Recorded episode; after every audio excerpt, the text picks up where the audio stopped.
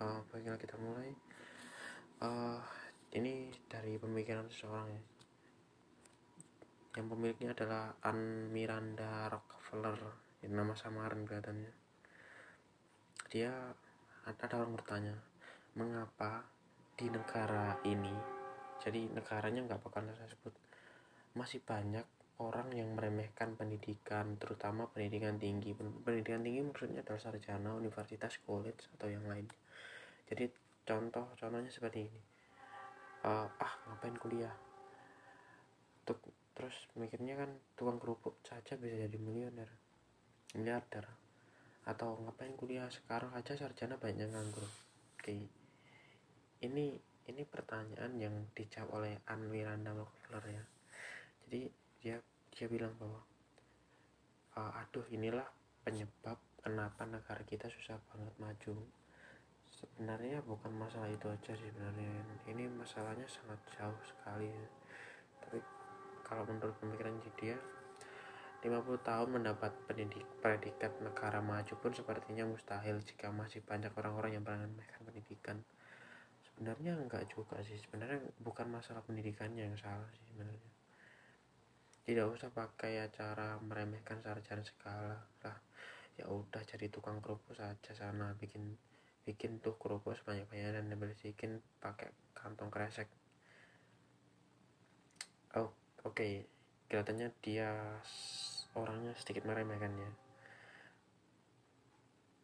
Tapi dia tetap benar aja kalau kalau kalau laku tak kalau tidak laku ya makan saja sendiri kerupuknya sampai habis. Jadi dia itu sudah sudah dari awal dia dia itu dia itu bilang secara apa secara pemikirannya terus dia bilang juga dia bicara juga di akhirnya tetap menyerah dan jangan semangat oke okay.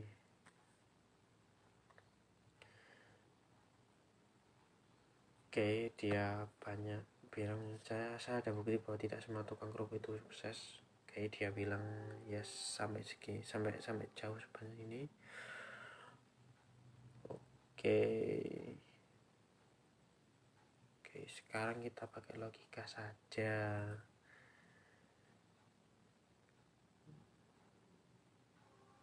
Dia pakai logika. Oke kita kita lihat aja ya.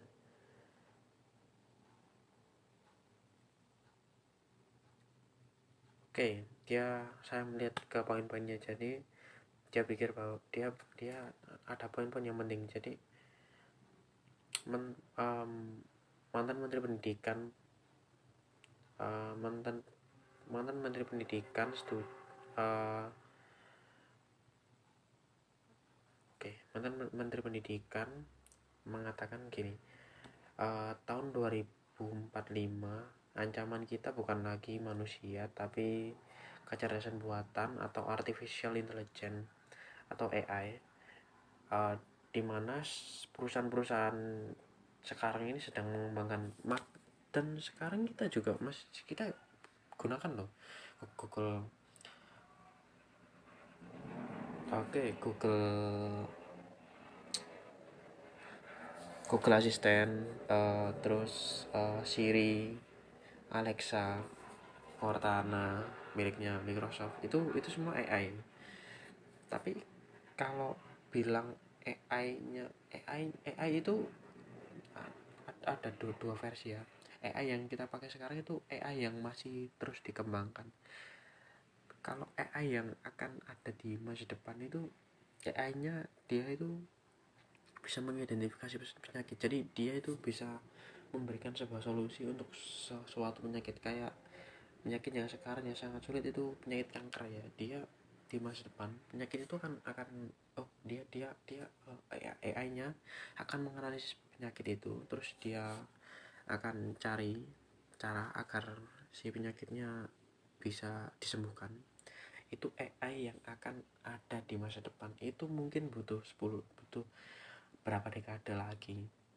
Kalau lima tahun sih nggak mungkin. Soalnya perkembangan teknologinya bakalan susah.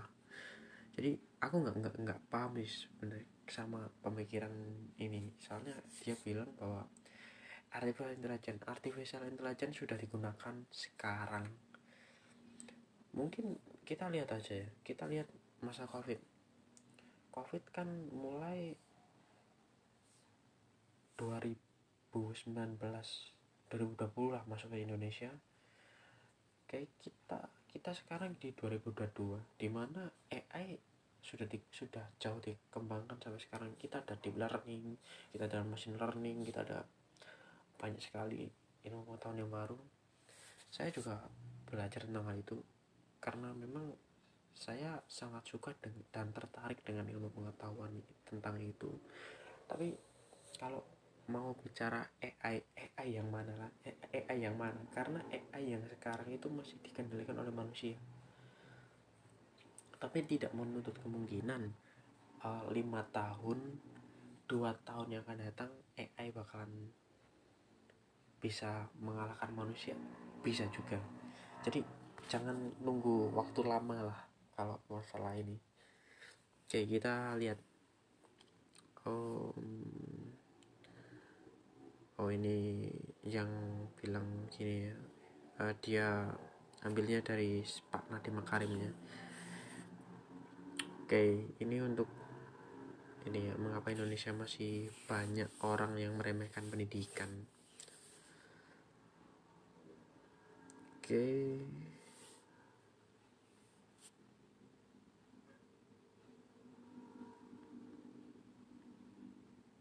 Oke.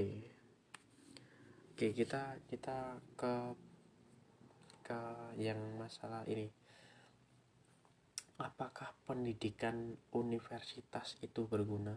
Uh, menurut bapak uh, menurut Mas Indra atau bapak Indra dia ditulisnya dia dia menulis uh, sesa, dia menulis di titlenya adalah dosen bertato yang mencintai drum dan Rottweiler. Dia gini dia dia berbicara gini. Anda mungkin pernah lihat di YouTube seorang pesohor negeri ini berkata bahwa kuliah itu tidak penting karena menyebabkan generasi milenial mengalami apa yang disebut dengan post postponing real reality atau suatu kondisi yang membuat orang menunda bertemu dengan realitas karena mereka tidak tahu harus berbuat apa. Oke, ini menurut pesohornya saya saya nggak tahu pesohornya mana. Jadi kita lanjut aja. Ya. Tapi tahukah anda sekarang di beberapa universitas ada lembaga kewirausahaan dan pengembangan karir? Oh, oke. Okay. Uh, kalau bilang mas pengembangan karir, karir dan kewirausahaan ya, saya dulu SMK dulu juga ada kewirausahaan dan pengembangan karir tapi dalam hal pengembangan karir dan kewirausahaan mungkin mungkin juga akan sama. Soalnya yang di SMK saya kan juga pernah kayak gitu pengembangan karir dan kewirausahaan. Saya dulu sekolah di bidang jaringan. Saya belajar jaringan. Saya belajar jaringan sampai ya bisa lah sampai uh, sampai ya sampai jauh lah tapi saya belum belum saya belum uh, menguasai yang masalah load balancing. Tapi sebenarnya kalau masalah load balancing itu sebenarnya sangat sederhana sih. Hal yang saya sekarang ingin pelajari ini masalah 5G tapi yang open source sumber terbuka di mana itu open internet. Jadi internetnya itu bersifat open jadi bisa terbuka untuk semua orang. Jadi ini pengembangan yang sangat hebat sekali loh untuk ini saya juga bingung untuk belajarnya. Soalnya masih sedikit yang mengulik tentang ini. Ya ada sih ada sih sedikit lah orang yang masalah ini. Kayak kita masuk ke sini. Kayak masih jadi dia berpikir bahwa pengembangan karir yang bertujuan membantu mahasiswa untuk dipersiapkan menjadi pengusaha dan berkarir secara profesional. Di universitas tiap tahunnya ada semacam expo yang mempertemukan penyedia kerja dengan para mahasiswa. Ada pula pameran yang mempertemukan UMKM saya masih tidak mengerti ada orang-orang yang bilang kuliah itu teori tok sebenarnya kuliah itu memang teori teori doang sebenarnya. Kalau memang kalau memang kalau memang apa kalau memang nggak teori buat apa? Karena gini ya kuliah itu kita itu dikenalkan ke ilmu ilmu tahun ini. Tapi tidak menutup kemungkinan bahwa ilmu itu nggak berguna dalam waktu dekat atau bisa-bisa aja. Dalam waktu dekat itu bisa aja sekarang salah satu minggu kita belajar ini. Minggu depan ilmunya nggak guna. Kita kita nggak kita nggak nggak bisa pakai ilmu itu. Kita belajar belajar lagi ilmu baru. Ya seperti itu. Dia bilang gini padahal sebenarnya teori itu sangat berguna. Ya memang sangat berguna. Tapi kalau ada ilmu pengetahuan yang baru kita juga harus belajar belajar baru baru belajar belajar juga ilmu yang baru itu. Ya ya baiklah kalau dosen berikan ilmu ini. Oke kita kuasai kita pelajari kita pahami semua kita ikuti kita kembangkan terus. Tapi kalau besoknya ilmunya nggak nggak nggak bisa dipakai kita belajar ilmu baru.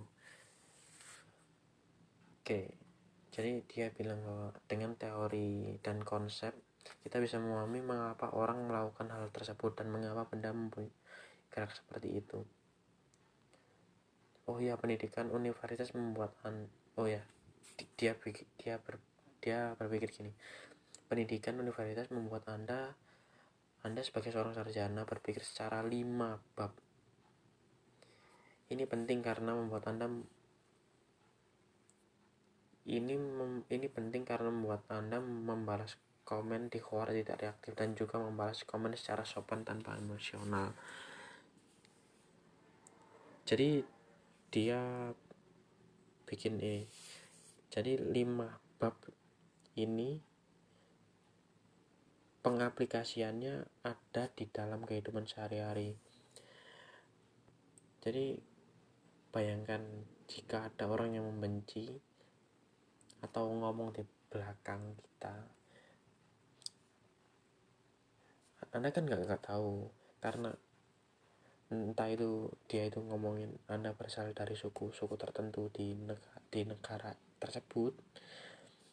Sebagai seorang sarjana anda tidak akan di, sebagai seorang sarjana anda anda anda nggak nggak mungkin bakalan bakalan ngelapor ke orang tersebut dan mengajak untuk berdual primitif. Karena so, karena memang sarjana tidak diajarkan untuk meng, melabrak atau memang dalam tanda kutip cara kita untuk berpikir secara sarjana ya.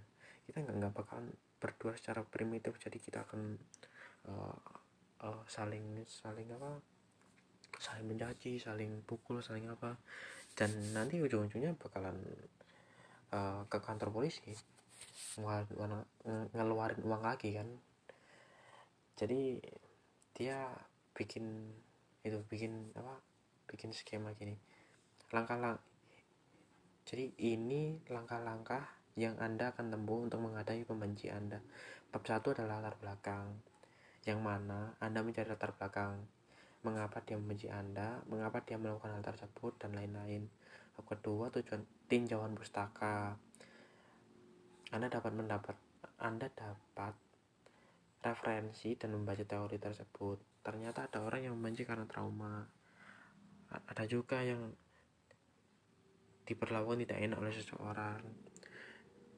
Dan dan Anda sebagai seorang sarjana jadi tahu bahwa ternyata dia pernah disakiti oleh oleh oleh suku tertentu atau atau oleh seseorang dari suku tertentu di di masa lalu. Oke. Bab 3 metodologi. Jadi metodologi adalah penggunaan metode pendekatan yang sesuai dengan untuk berbicara dengan dia menghadapi dia berdasarkan konsep dan teori yang yang telah dipelajari. Keempat adalah hasil. Nggak ada nggak ada hasil yang sia-sia. Nggak ada juga hasil yang sempurna.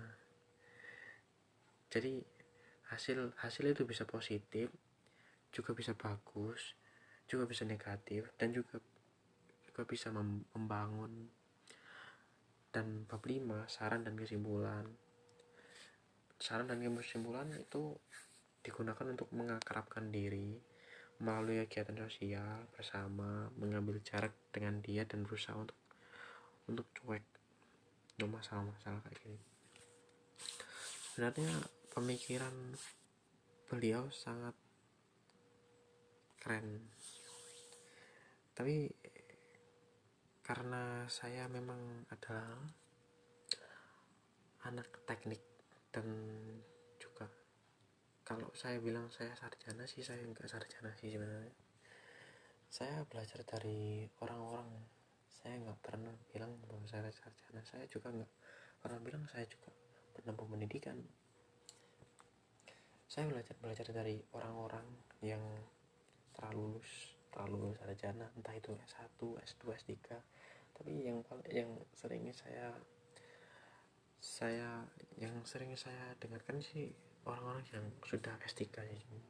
Mereka itu orang-orang yang sangat hebat mereka bisa mereka bisa menulis buku dalam waktu satu minggu bukunya mereka jadi.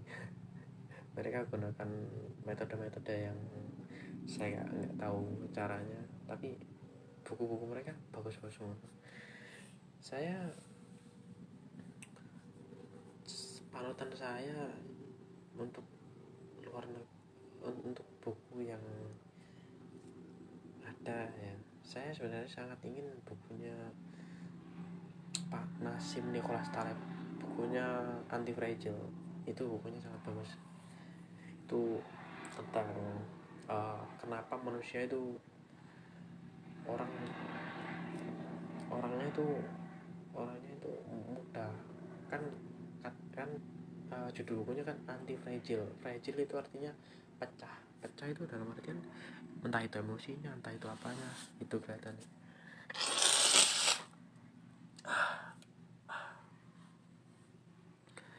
Saya saya nggak tahu ya saya nggak nggak nggak terlalu mikirin hal kayak gini sih sebenarnya. Tapi ngebuat cerita kayak gini sangat seru sekali jadi terima kasih